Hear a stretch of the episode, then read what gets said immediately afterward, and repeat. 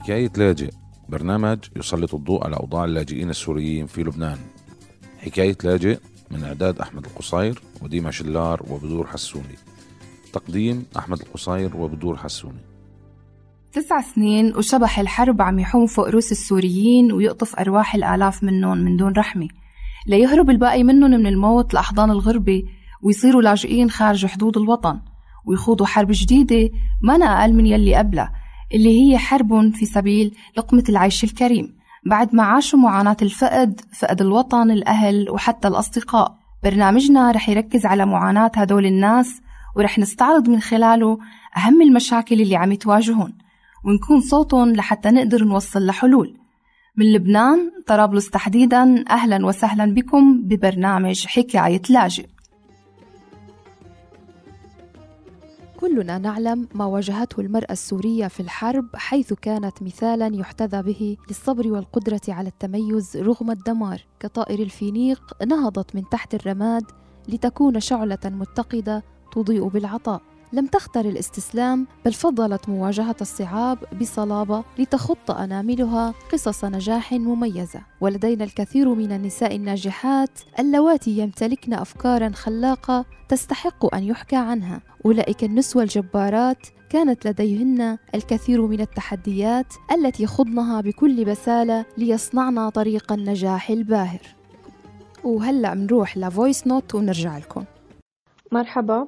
اسمي سارة سيوف. أنا سورية الجنسية وخلقانة وساكنة بلبنان من فترة طويلة. وعمري ستة وعشرين سنة ساكنة بشمال لبنان بعكار. وأنا فنانة تشكيلية. درست درست الفنون التشكيلية بالجامعة اللبنانية. وحصلت على المركز الأول كمان بمشروع التخرج يلي هو كان عن موضوع حق الأم اللبنانية بإعطاء الجنسية لأولادها. آه، وكيف المواطن السوري كيف هو عايش بلبنان. إضافة للفنون التشكيلية بعمل كذا شي مثل المسرح والرقص والتهريج. والميك أب السلام عليكم. أنا هديل بكر لاجئة سورية في لبنان. الحمد لله برغم كل الظروف المعيشية السيئة التي تعيشها الامرأة السورية في دول الهجرة واللجوء استطاعت الكثير من النساء السوريات إثبات جدارتهن بأن يكن فاعلات بمجتمعهن حيث امتزجت دموع الألم مع بوادر الأمل. وأعمل حاليا كمديرة ومؤسسة, ومؤسسة لمشروع بلسم لذوي الاحتياجات الخاصة ومستمرة بالعمل. رغم كل العوائق والصعوبات وحققت نتائج إيجابية مذهلة بفضل الله تعالى بدمج ذوي الإعاقة بالمجتمع وأشكر لكم تعاونكم.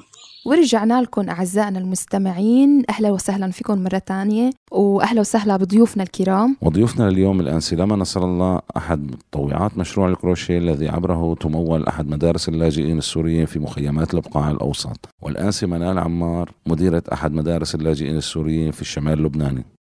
مستمعينا الأعزاء وهلأ رح نبلش حلقتنا مع السيدة منال عمار. سيدي منال مرحبا. أهلا وسهلا. سيدي منال عرفينا عن حالك. منال عمار لاجئة سورية في لبنان متزوجة وعندي ثلاثة أولاد. بشتغل كمتطوعة مديرة مدرسة مع اللاجئين السوريين في مجال التعليم آه، في الشمال اللبناني سيدي منال إمتى طلعتي من سوريا وليش طلعتي؟ طلعت من سوريا في نهاية عام 2013 طبعا بعد ما صار أكثر من تنقل في الداخل السوري بين المناطق السورية اللي كانت تعرض لضرب طلعت تصوب أولادي بمنطقة من المناطق وبعدها قررت اللجوء إلى لبنان. مرحبا لما. ممكن تعرفينا عن حالك؟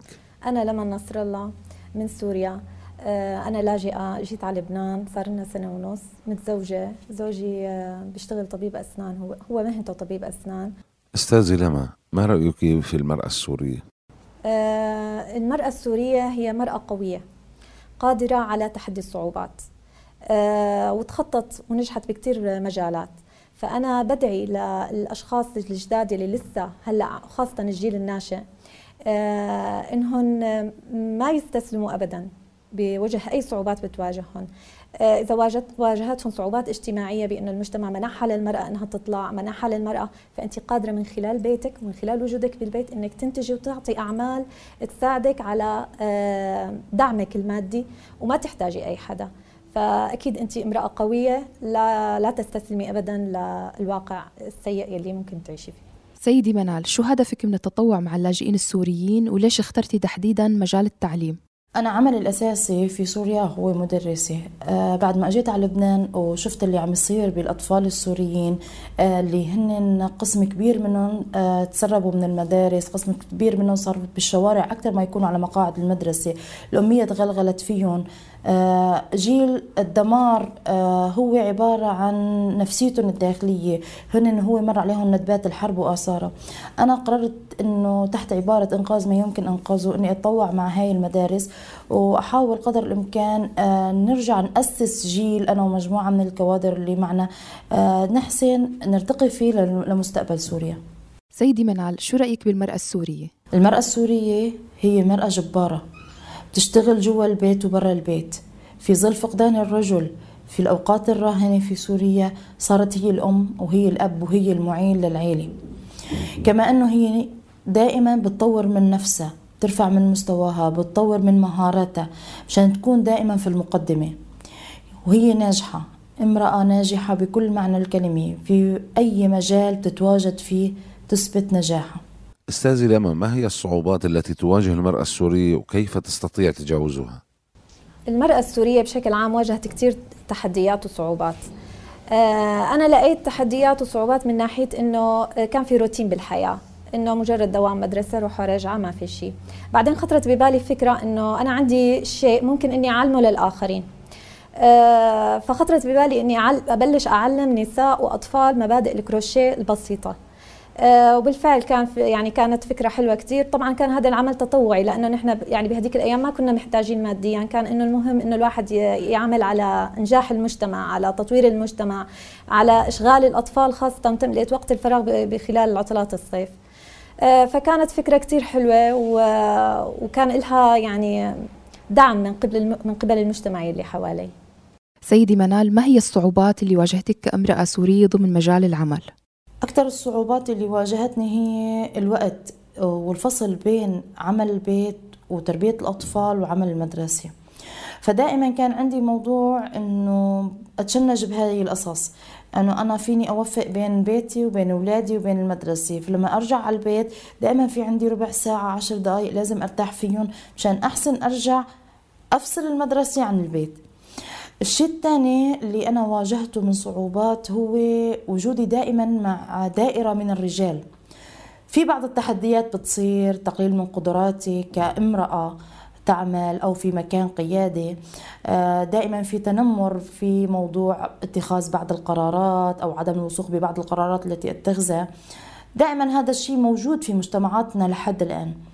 موضوع التاء هو كمان صعوبة من الصعوبات اللي عم واجهها دائما إحساسي بالتقصير تجاه العائلة تجاه الزوج تجاه المنزل تجاه العلاقات الاجتماعية اللي كتير بختصرها بأثناء آه، الفترة اللي أنا بكون فيها بالمدرسة.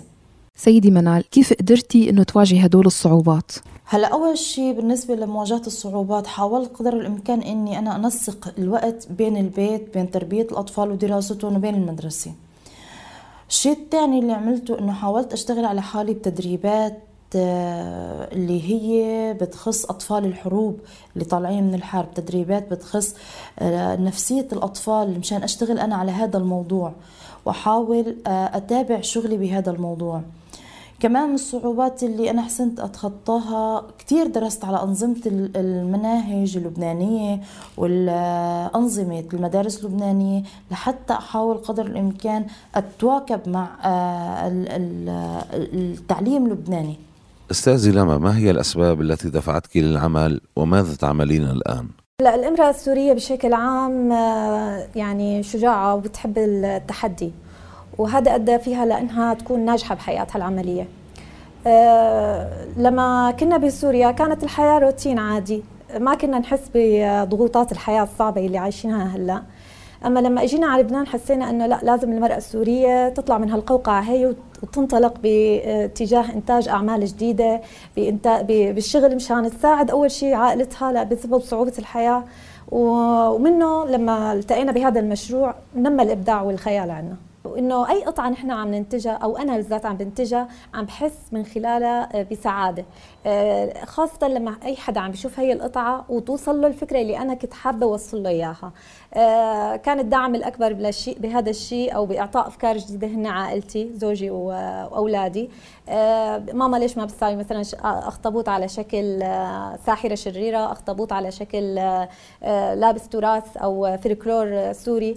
ومن هيك عم تيجي الأفكار وإنه عم نقدر ننفذها على أرض الواقع سيدي منال شو الأهداف اللي دفعتك كامرأة للعمل؟ هلا أسباب كثير دفعتني للعمل أول شيء إنه حق حق طبيعي للمرأة أن تعمل الشيء الثاني إنه يعني نحن درسنا تعلمنا بالجامعة مشان شو؟ مشان نقعد بعدها بالبيت؟ لا أكيد مشان نحن اللي نحن تعلمناه نرجع نعلمه لغيرنا وبعدها في ظل هالأوضاع هاي الراهنة في ظل الظروف الاقتصادية الصعبة أكيد مساندة الرجل للمرأة آه، أو المرأة للرجل أكيد هذا موضوع آه، كلياتنا بنتبناه يعني. أنا من قبل الثورة السورية بشتغل بال في مجال التعليم بسوريا. طبعا من آه، من انطلاقة المرأة نصف المجتمع وحق المرأة في التعلم والمرأة وحق المرأة في العمل. ودائما نحن درسنا حتى اللي تعلمناه نحن نعلمه كمان. موضوع الثاني في ظل الأوضاع الراهنة من آه، وسوء الأوضاع الاقتصادية اللي عم اللي عم يمروا فيها اللاجئين السوريين أكيد أنا رح أكون سند لزوجي وكما هو السند لإلي في في كثير من المواقف. استاذي لما ما هو الهدف من مشروعكم؟ الهدف من المشروع هو كان له هدف كثير إيجابي بالدعم المادي للأسرة. آه، خاصة بالصعوبات اللي عم نعيشها هون بلبنان وارتفاع الأسعار. وكان الأحلى من هيك إنه عم بيدعم مدارس الأمل بإنه قسم من هاي الأرباح عم بتروح لمدارس الأمل وعم بت عم تدعم الطلاب أو الأطفال اللاجئين يلي انحرموا من نعمة التعليم حتى إنهم يتعلموا أكثر سيدي منال شو الرسالة اللي عم تحاولي توصليها من خلال عملك؟ التعليم هو رسالة سامية. التعليم هو تخطيط إدارة إنقاذ تربية العمل على النفسية. ما هو بس تلقين فقط لا غير.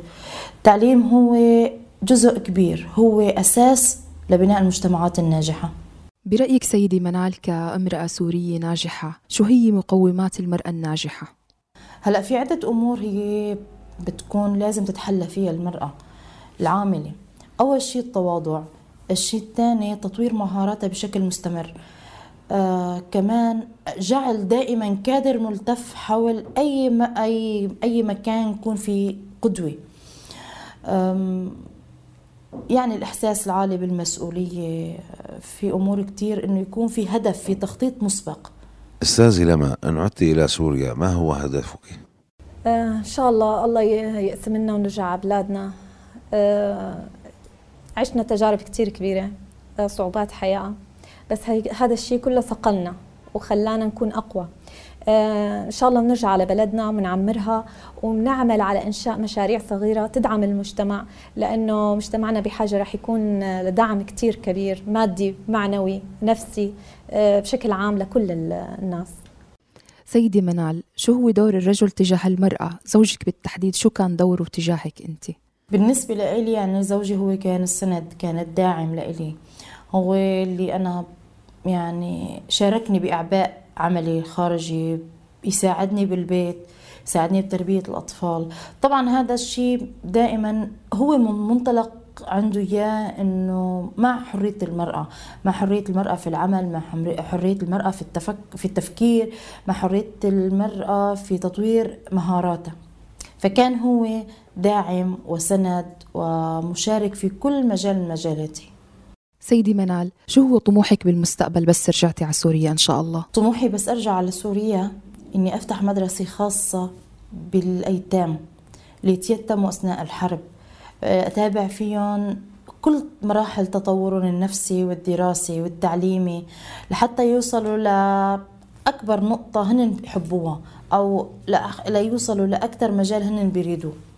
بتشكرك كثير سيدي منال واتمنى لك التوفيق. بنهاية حلقتنا بدي أتشكرك أستاذ لبا شكرا لك وبتمنى لك التوفيق. المرأة هي نصف المجتمع ومن تلد النصف الآخر والمرأة السورية بشكل خاص تستحق أن نمد لها يد العون لأن المستقبل المنشود يحتاج لطاقتها ولموهبتها الفذة. إلى هنا وتنتهي حلقتنا لهذا اليوم. شكرا لكم مستمعينا وأيضا نشكر ضيفتينا المميزتين ونتمنى لهن المزيد من النجاح. كانت معكم بدور حسوني وزميلي أحمد القصير.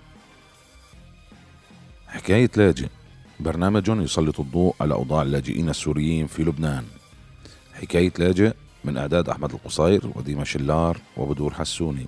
تقديم أحمد القصير وبدور حسوني. إخراج فادي قرقوز.